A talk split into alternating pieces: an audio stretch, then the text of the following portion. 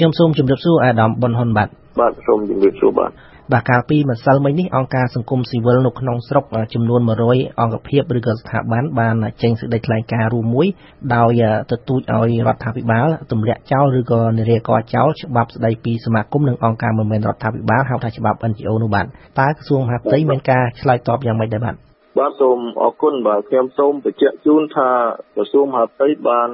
ធ្វើការប្រជុំពិភាក្សាទៅលើការស្នើសុំធ្វើវិសោធនកម្មច្បាប់ស្តីពីសមាគមនិងអង្គការមិនរដ្ឋាភិបាលនឹង4លើករួមទាំងព្រឹកម្សិលមិញហ្នឹង ដោយសារក្រោយពីយើងធ្វើវេទិកាជាជាដៃគូរវាងវេទាបាលជាមួយនឹងអង្គការសង្គមស៊ីវិលដែលយើងបានធ្វើជាបន្តបន្ទាប់ក្នុងមួយឆ្នាំពីរដងតាំងពីពាក់កណ្ដាលឆ្នាំ2018រហូតមកទល់ពេលនេះគឺយើងបានធ្វើ4លើកមកហើយព្រោះកាលពីថ្ងៃទី3ខែ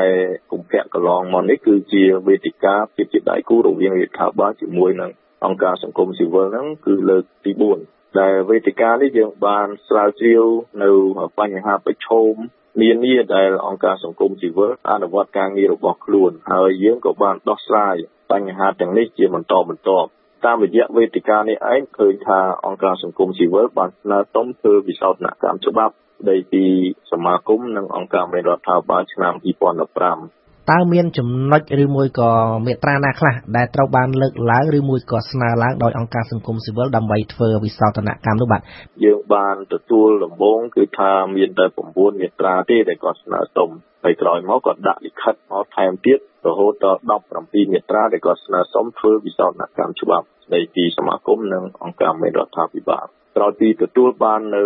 សំណើនេះគឺរដ្ឋាភិបាលបានចាត់ឲ្យក្រុមការងារអន្តរក្រសួងដែលមានខ្ញុំបាទជាប្រធានធ្វើការប្រជុំពិគ្រោះយោបល់ចង់ដឹងអំពីមូលហេតុពិតនៃការស្នើសុំធ្វើវិសោធនកម្មព្រោះថាយើងចង់ប្រមូលនៅធាតចូលតើតើគាត់ ចង់បានខ្លឹមសារបែបម៉េចចង់កែរបៀបម៉េចនិងមូលហេតុអីដែលពាក់ព័ន្ធជាមួយនឹងការស្នើសុំធ្វើវិសោធនកម្មនេះដើម្បីជាមូលដ្ឋាននៅក្នុងការរៀបចំនៅរបាយការណ៍មួយសម្រាប់រដ្ឋាភិបាលពិនិត្យវិច័យហើយសម្រាប់រៀបចំដាក់ស្នើសុំទៅរដ្ឋាភិបាលនៅក្នុងការធ្វើវិសោធនកម្មនេះគឺថាយើងខ្ញុំជាក្រុមការងារអន្តរក្រសួងគឺបាទបាញ់រត់នៅធៀបចូលហើយដល់ពេលយើងប្រជុំជាបន្តបន្ទាប់4លើកនេះគឺថា ក្រុមការងារអន្តរក្រសួងដែលមានខ្ញុំដឹកនាំគឺតែងតែជាយាមស្វែងរកឲ្យឃើញនៅធាតចូលដែលគាត់ស្នើសុំហើយខាងក្រមអង្គការសង្គមស៊ីវិលដែលគាត់លើកឡើងមកគឺគាត់មានការស្នើសុំផ្លាស់ប្ដូរនៅសំណើរបស់គាត់ជាបន្តបន្ទាប់ហើយយើងខ្ញុំក៏មិនមានការយល់ទាស់ឲ្យទេព្រោះអានេះជាការការយល់ឃើញរបស់ក្រុមការងារគាត់ទី1ទី2គឺក្រុមការងារដែលគាត់មកចូលរួមនេះគឺថា គាត់មិនទាន់ឯកភាពគ្នាទាំងស្រុងទេ មានក្រុមអង្គការសង្គមស៊ីវិលមួយចំនួនគាត់យល់ឃើញថាមិនគួរកែមួយចំនួនគាត់ថាគួរតែកែនៅខ្លឹមសារមេត្រាហ្នឹងគួរលុបអ្នកខ្លះថាគួរលុបខ្លះថាមិនគួរលុបទេអញ្ចឹងចំណុចនេះគឺយើងវាយឺតដោយសារតែបញ្ហាហ្នឹងលើកទី4ដែលកាលពីព្រឹកម្សិលមិញនេះគឺយើងបានបន្តពិភាក្សាទៅលើមេត្រាដែល គាត់មិនទាន់បានពិភាក្សាពីមុនមុនដែលបានហើយគឺយើងអត់យកមកពិភាក្សាទៀតទេអញ្ចឹងយើងបានពិភាក្សាទៅលើមេត្រា10មាត្រា11និងមាត្រា20ដល់ពេលដែលពិភាក្សាក៏ដូចតែលើកមុនដែរគឺថាក្រមតំណាងអង្គការសង្គមស៊ីវិលដែលមកចូលរួមហ្នឹងគឺគាត់នៅតែមិនទាន់មានទស្សនៈឯកភាពគ្នាទាំងស្រុងទេចំណុចខ្លះគឺគាត់ស្នើសុំឲ្យយកទៅពិនិត្យពិចារណាឡើងវិញនៅក្រមការងាររបស់គាត់ ដែលគាត់អាងថាគាត់ត្រូវការសម្រេចជារួមពីក្រមការងារតំណាងអង្គការសង្គមស៊ីវិលរបស់គាត់ហ្នឹងសិនហើយយើងខ្ញុំក៏មិនជំទាស់ឲ្យដែរថាអត់អីទេព្រោះថារឿងសំខាន់គឺច្បាប់យើងចង់បាននៅខ្លឹមសារមួយដ៏ល្អហើយសម្រាប់បម្រើសង្គមជាតិទាំងមូលមិនមែនសម្រាប់ភាគីណាមួយទេមិនមែនមានន័យថាសម្រាប់តែអង្គការសង្គមស៊ីវិលឬក៏សម្រាប់តែរដ្ឋាភិបាលគឺសម្រាប់ជាតិយើងទាំងមូល បាទអាដាមបើតាមអង្គការសង្គមស៊ីវិលលើកឡើងថាការជួបប្រជុំគ្នា4លើកកន្លងមកនេះក៏ពិតមែនក៏ប៉ុន្តែនៅមិនទាន់មានចំណុចរួមឯកភាពគ្នានៅឡើយដូច្នេះក្រុមអង្គការសង្គមស៊ីវិលទាំងនោះបានរុញឲ្យធ្វើនរាកច្បាប់នេះចោលទៅវិញតើអាដាមមានការឆ្លើយតបបែបណាបាទបញ្ហានេះយើងខ្ញុំក៏បានបញ្ជាក់ដែរថានឹងធ្វើការពិភាក្សាតទៅទៀតបន្តប្រជុំតទៅទៀតយើងខ្ញុំនឹងធ្វើលិខិតអញ្ជើញនិងប្រកាសជូនដំណឹង បន្ទាប់ពីកិច្ចប្រជុំលើកទី4ហ្នឹងហើយស្រាប់តែចប់ទៅគឺអត់មានអីទេគាត់ក៏រីករាយក្រុមការងារដែលគាត់មកប្រជុំជាមួយក្រុមការងារយើងខ្ញុំហ្នឹងគឺគាត់ថារីករាយយើងនឹងបន្តការងារជាមួយគ្នាស្រាប់តែល្ងាចឡើងឃើញចេញសេចក្តីថ្លែងការណ៍មួយដែលខុសពីការពិតទី1គឺខ្ញុំពិនិត្យឃើញថាឈ្មោះអង្គការសមាគមសហគមន៍មូលដ្ឋានដែលដាក់នៅក្នុងសេចក្តីថ្លែងការណ៍នេះ គឺអត់មានដែលអ្នកមកប្រជុំទេហើយសហគមន៍មូលដ្ឋានមិនមែនជាអង្គការ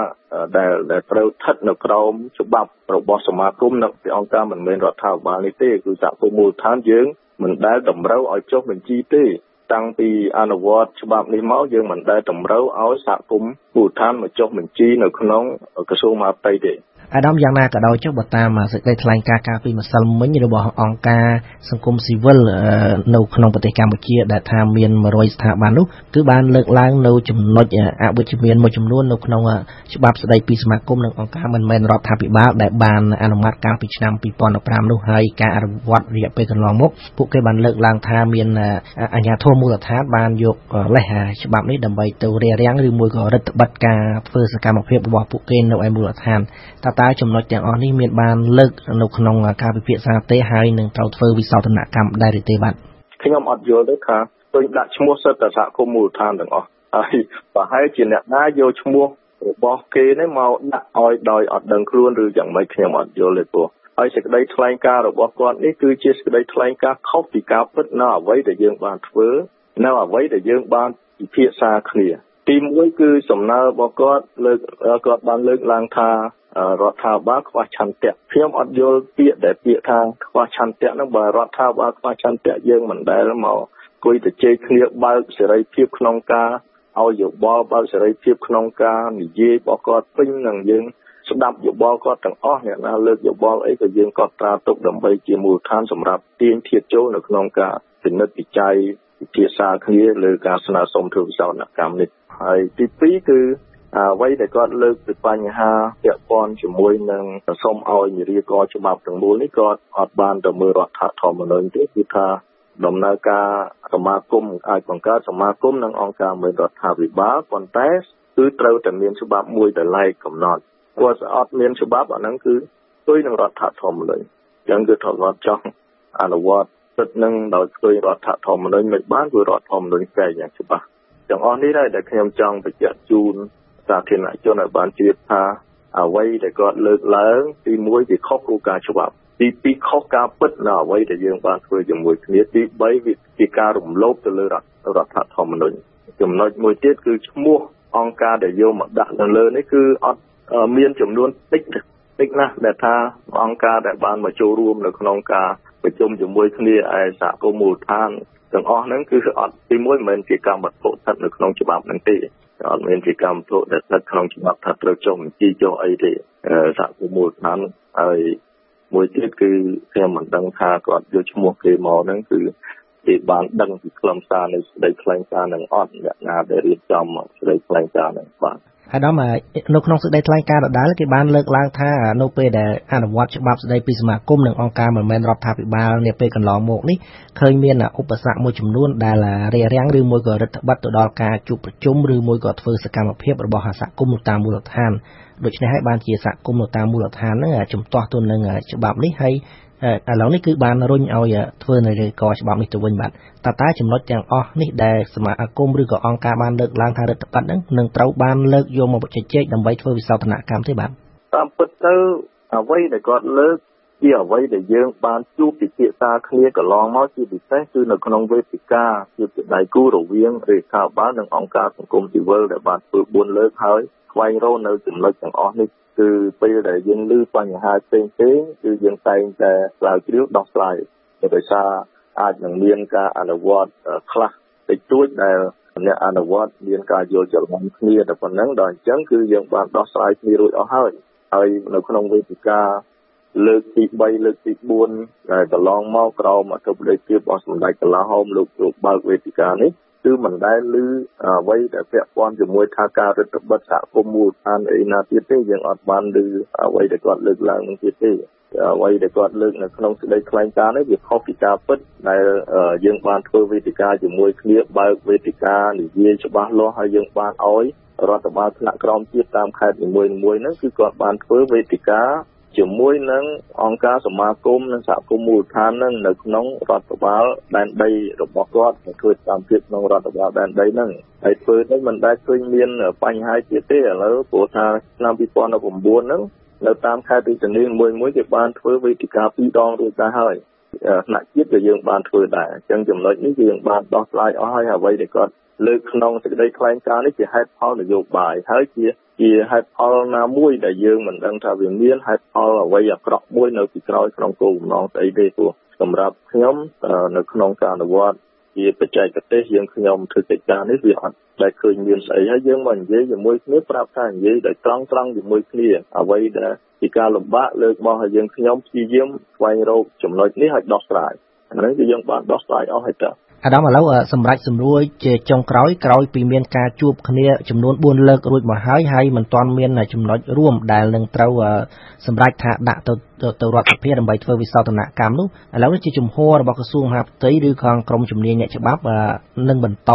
ការជួបប្រជុំទៀតឬមួយក៏ត្រូវផ្អាក អត់ទេណែខ្ញុំសូមបញ្ជាក់ជូនណាអត់មានចំណុចណាដែលថាផ្អាកទេយើង បានបញ្ជាក់ជំហរឲ្យម្ដងម្ដងទៀតថាយើង នៅតែបន្តកិច្ចប្រជុំដែលកិច្ចប្រជុំនេះខ្ញុំនឹងធ្វើលិខិតជូនដំណឹងហើយនឹងអញ្ជើញមកចូលរួមបន្តបន្តទៀតរឿងការស្វែងរកចំណុចរួមរបស់ភាគីខាងគាត់នឹងខ្ញុំអត់ដឹងទេព្រោះហ្នឹងទុកឲ្យខាងគាត់ជាអ្នកស្វែងរកឲ្យខាងក្រមការងារបរិយាបាលគឺប្រឹងប្រែងសិក្សានៅចំណុចដែលគាត់ស្នើសុំនេះហើយនឹង លើកជារបាយការណ៍ដាក់ជូនទៅរាជរដ្ឋាភិបាលដើម្បីលោកពិនិត្យសម្រាប់ហើយនៅក្នុងការធ្វើវិសោធនកម្មច្បាប់នេះដោយបានយើងស្នើសុំទៅរដ្ឋសភាអញ្ចឹងសូមបញ្ជាក់ម្ដងម្ដងទៀតថាអត់មានការផ្អាកការ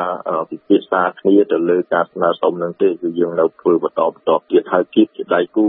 រវាងរដ្ឋាភិបាលនិងអង្គការសង្គមស៊ីវិលយើងនៅតែបន្តធ្វើកិច្ចការជាមួយគ្នាតទៀតប៉ុន្តែគ្រាន់ថាអ្វីទាំងអស់គឺសូមឲ្យវាជាការពិតសូមឲ្យ ការថ្លែងការណ៍ឬក៏សម្ដីអីដែលនិយាយនេះកុំឲ្យបំភ្លឺការពិតកុំឲ្យយកបញ្ហានេះជារឿងនយោបាយព្រោះរឿងនេះជារឿងជាតិរបស់យើងទាំងអស់គ្នាកុំឲ្យយកហេតុផលនយោបាយណាមួយមកបង្កើតបញ្ហាមួយដែលខុសពីការពិតបាទសូមអរគុណច្រើនអាយដាមបាទសូមជម្រាបប្រិយមិត្តអ្នកស្ដាប់ថាអាយដាមអ៊ុនហ៊ុនគឺជារដ្ឋលេខាធិការក្រសួងមហាផ្ទៃដែលទទួលបន្ទុកផ្នែកច្បាប់